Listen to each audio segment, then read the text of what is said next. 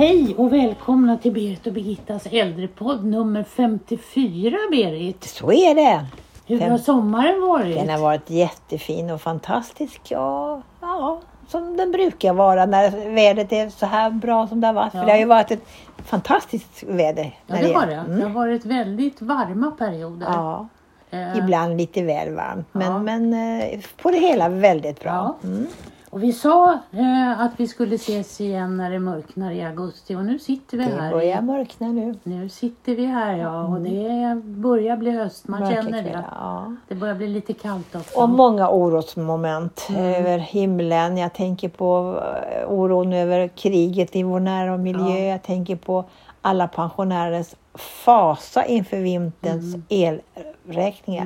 Det finns på alla läppar. Mm. Och politikerna lovar som vanligt stort och, Mm. och vi får väl se hur mycket de kan gå i land med det hela. Men det är en oro som, jag, som i alla fall när jag möter äldre vänner att det är väldigt oro. Framförallt de som bor i egna villor. Mm. Hur de ska klara sin eh, elförsörjning och kostnaden inför vintern. Mm. Och de som bor i egna villor har ju också ofta bil.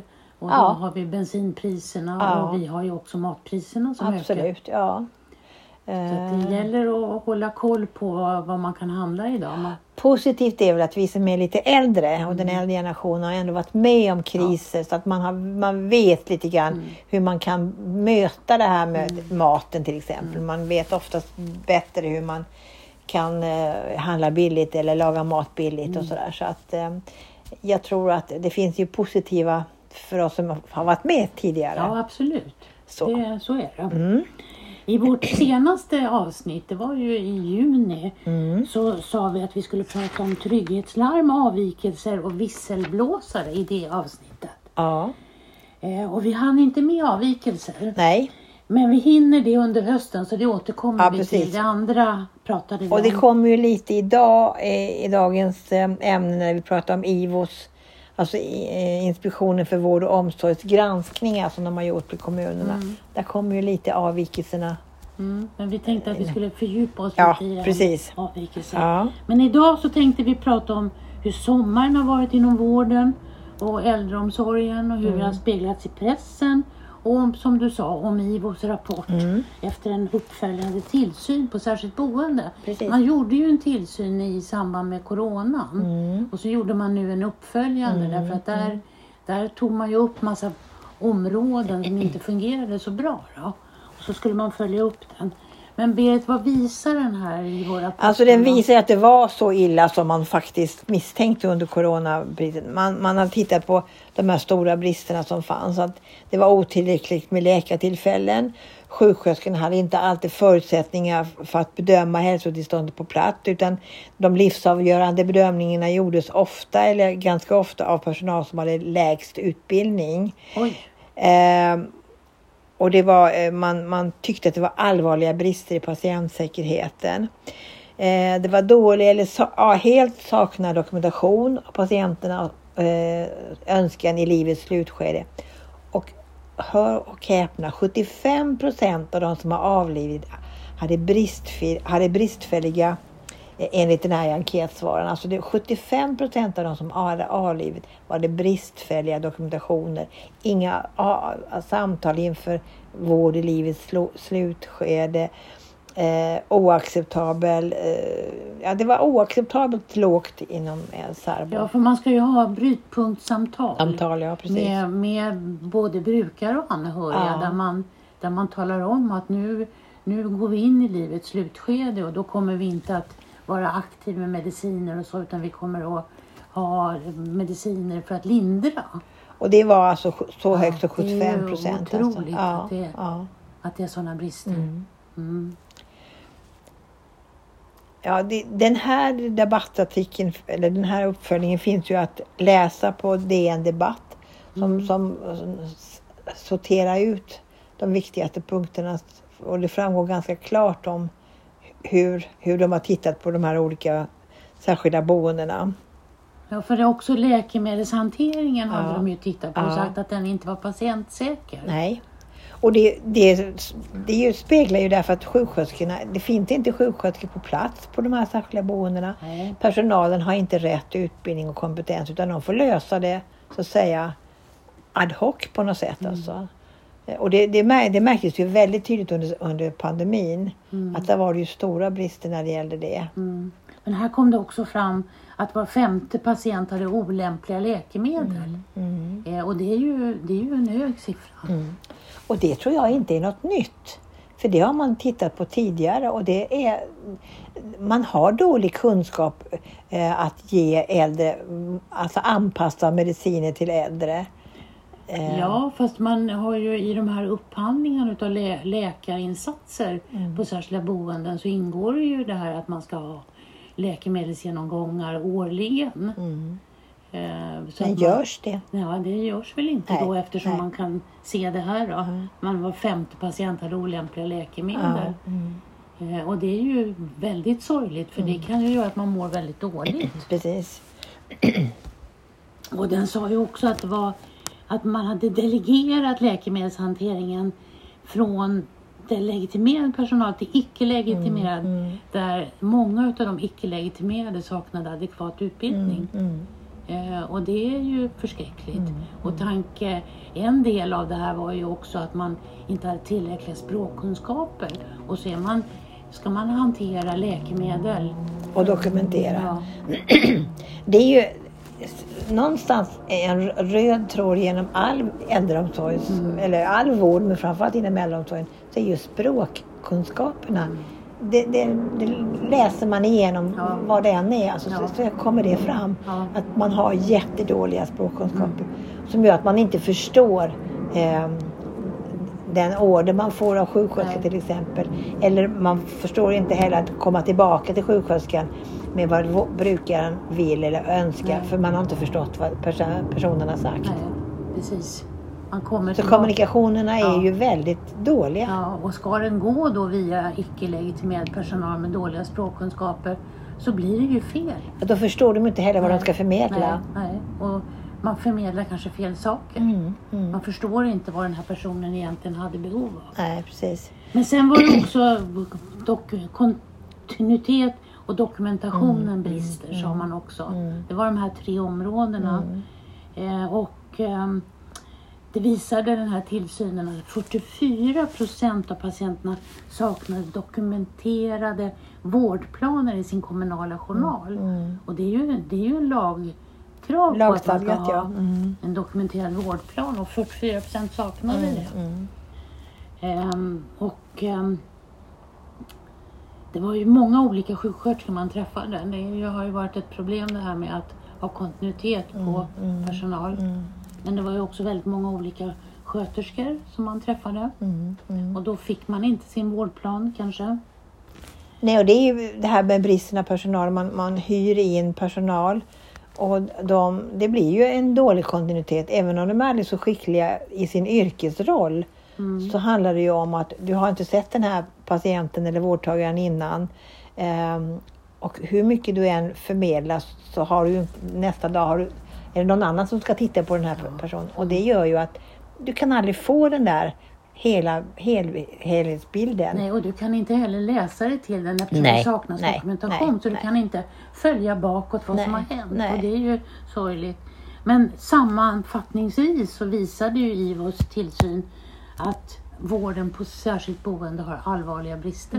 Mm, Eh, och eh, de sa ju också att även om svensk vård står sig relativt väl i internationella jämförelser så visar tillsynen att lägsta nivån är oacceptabelt låg här i Sverige.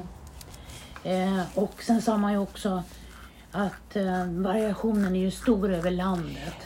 Precis, och vi ska ju inte låta som några domedagsprofeter för det görs otroliga Ja. insatser av den personal som jobbar inom äldreomsorgen. De gör fantastiska jobb. Utan de lyfter ju fram, men det var ju en stor undersökning de har gjort. Det var ju eh, 2000, 20 000 var det väl som de tittade på och det var i totalt 283 kommuner. Så det är ju en stor Ja, ja, undersökning de har gjort. Så man får en ganska heltäckande bild trots allt. Eh, där de här bristerna blir så tydliga. Mm, absolut. Men det är som du säger, nu, nu tar vi fram det mest negativa men man ska ju också komma ihåg att personal som har jobbat länge och som Mm. trivs i yrket, känner ett ansvar för sitt kall och så vidare, Mm. har ju gjort otroliga insatser i sommar med att försöka hålla en bra nivå. Ja, det är de som fortfarande håller vårdens eh, ska man säga, stomme. Ja, eh, som fortfarande är kvar och, och tycker om sitt jobb och vill fortsätta. Och vi måste försöka ta fasta på dem. Mm. På kärnpersonalen Ja. så att säga. precis. För det har ju i, återigen varit en tuff sommar Mm, för personal i vård och omsorg. Eh, vi vet ju också att antalet covidfall har ökat under sommaren. Ställt höga krav på personalen. Mm. Eh, och det gör ju också att du, du måste kunna förstå varför du måste vara skydda dig Mm. själv och skydda de du vårdar. Eh, och det har ju, jag har läst någon artikel där det var några som var väldigt upprörda över att de återigen skulle behöva bära munskydd. Eh, och då har man ju inte förstått, Mm, Nej. då har man inte förstått det här att man Jag jobbar. tror att man är väldigt trött också. Ja. Det, personalen är utarbetad efter snart tre års eh, jättehårt jobb på alla plan. Mm. Ja. Eh, och de som har stått längst fram i vården som har haft de här akuta har ju slitit oerhört Mm. och de måste få lite återhämtning nu. Så att Absolut. alla, vi, alla vi som är, utsätter den här, Mm. varandra för smitta måste förstå det. Vi måste vara försiktiga Mm. fortsättningsvis för vi måste förmodligen leva med det här. Ja, absolut. Samtidigt så har det varit brist på vårdplatser i hela landet. Mm. Alltså då tänker jag på vårdplatser på våra akutsjukhus. Sjukhus, ja. Och det får ju konsekvenser även för den kommunala äldreomsorgen förstås. För de, man blir ju snabbare utskriven från Mm. sjukhuset. Eh, och när man blir snabbare utskriven från sjukhuset så kräver ju det kunskap. Alltså när man kommer till sitt särskilda boende. Mm. Eh, kunskap om vad den här personen har varit utsatt för och varför han legat på sjukhus. Och vad man måste fortsätta att göra. Och samtidigt så har då äldreomsorgen haft svårt att få tag på utbildad personal. Jag och tror att det varit en- med tillräckliga kunskaper Jag tror att det varit en av de värsta somrarna som, som eh, de som har ansvar för vården haft. Det har, många har vittnat över att det har varit jättesvårt. Ja, när, för när Kommunal frågade 287 av sina fackliga representanter Mm. i Sveriges kommuner så bedömer hela 73 procent att det varit svårt att få tillgång till sommarvikarier. Mm. Eh, det har varit otillräcklig tillgång eller till och med katastrofal. Eh, 21, bara 21 procent eh, anser att det ser okej ut och resten vet inte hur, hur det skulle vara inför sommaren. Och det är ju, det är ju höga siffror. Ja. Jag läste en, eller jag hörde, en artikel, hörde något inslag på radion att någon Smålandskommun hade, hade gjort en annan lösning när det gällde hemtjänsten. De hade gjort som jag minns det var när jag en gång började inom hemtjänsten att man tog in icke 18-åriga, alltså skolungdom Ja. som fick göra lättare sysslor i hemtjänsten. Handla, eh, följa med ut på promenader, eh, Även i hemtjänsten? Även i hemtjänsten. Och det lät så hoppfullt. För jag minns att det var så en gång Mm. när jag började. Att man kunde ta in skolungdom. Att gå och handla, Mm. följa med ut på promenad. Kanske gå ner i tvättstugan och tvätta Mm. en tvätt. Det behöver man inga större kunskaper. Man hade haft en, en, en äldre kollega som handledare. Och det var, det var, alla vann på det där. Den, den brukaren tyckte det var jättetrevligt med de här ungdomarna som kom in. Ungdomen fick en annan inblick i eh, yrket och man avlastade den, eh, den eh, ordinarie personalen på, på de här tunga uppgifterna. Så att den chefen var bara positivt nöjd. så jag tycker det här är Mm. någonting som flera kommuner, man får inte vara så, det finns ju lämpliga 16-17-åringar också som kanske inte behöver vara fyllda 18 år. Min, båda mina söner har jobbat i hemtjänsten som, som 16-17-åringar. Ja, det var ju Ja. så då och det gick alldeles Ja, utmärkt. de gjorde de här sysslorna precis Ja. som du sa. Och det, det Mm. tror jag, jag tror att man måste hitta sådana lösningar och det kanske är ett sätt att få in yngre personer i yrket när de får titta på den inifrån Ja, så att säga. För man har ju provat det här. Eh, att eh, man har ju tagit in skolungdomar på särskilt boende. Ja. Återigen, det har ju varit två år som man inte har Kunnat gjort det, nej, nej. Men nu har man ju gjort det och Ja. man har ju talat om att det har fallit väldigt väl ut. Mm. Och de har ju precis som du säger gjort de här enklare uppgifterna. Mm, Eh, så det har ju varit, Man kan göra mycket. ja man kan göra Ja, oerhört mycket. absolut. Eh, jag tänker också på det här med att enligt lag så har man ju rätt till hemtjänst och trygghetslarm i sitt fritidsboende. Mm. Jag undrar hur det har varit i sommar. Ja, det, har, det är någonting vi borde titta på kanske. För Mm. jag det, försökt leta men jag har inte kunnat hitta nej, det. nej. Och det, jag tror att man är ganska njugg i kommunerna. Framförallt i, i kommunerna där det är väldigt anhopning av sommargäster. Jag Ja. tänker runt Stockholm, Göteborg, Mm. Malmö där man flyttar ut till sina sommarboenden med ganska stora vårdbehov. Ehm, det kunde vara intressant att veta. Jag Mm. Ja. vet att det har varit problem tidigare Ja. somrar men, men jag vet inte hur det har varit i Men år. det, det har varit, man, man, man har ju enligt lag rätt till det. Ja. Men man måste ju ta med sig sina hjälpmedel som man har och Mm. man måste själv se till att man anpassar sin semesterbostad. Mm. För alla bostäder har ju inte dusch som är anpassad Nej. och toaletter och så vidare. Eh, men det måste det vara för att man Mm, ska kunna få den hjälpen då. Men jag förstår att det måste ha varit svårt och sen har det ju varit brist samtidigt på vårdplatser. Jag läste om att det var eh, gästdialys på Gotland kunde man inte ta emot. Nej. Därför att man hade inte tillräckligt med, med sjuksköterskor som kunde nej, ge, nej, göra dialysen. Och då upplevde ju väldigt många att de plötsligt hamnade i en kommunarrest. Man fick inte lämna sin Mm. Kommun på så hela sommaren därför att man inte kunde få Mm. vård på andra ställen. Men, men så har det ju sett ut. Ja, och det här är nog ett, ett problem som vi kommer att tampas med länge. eh, Så länge vi har den här oron med pandemin över oss. Ja. Att personal går åt till det så att säga. Och Ja. då, då räcker det inte till vård över hela linjen. Nej, det gör det inte. Ja, snart är det val igen. Ja, och de lovar och lovar och Ja. vi får väl se vad som, vilka vallöften som kan upp. Men man fokuserar väldigt mycket på seniorerna och, och seniorerna är ju en stor väljargrupp. Mm. Så att jag förstår att man fiskar röster där. Men enligt Vård för, Vårdfokus som är en tidning för Vårdförbundets medlemmar. I Vårdförbundet är det ju sjuksköterskor, barnmorskor, biomedicinska assistenter och så vidare. De, om, om de skulle få välja så kommer även nästa regering att bli röd. De blå partierna har betydligt lägre stöd än hos befolkningen i stort. Okej. Eh, Det är väldiga skillnader. Mm, Eh, och det gäller alltså Vårdförbundets medlemmar Ja, över hela landet.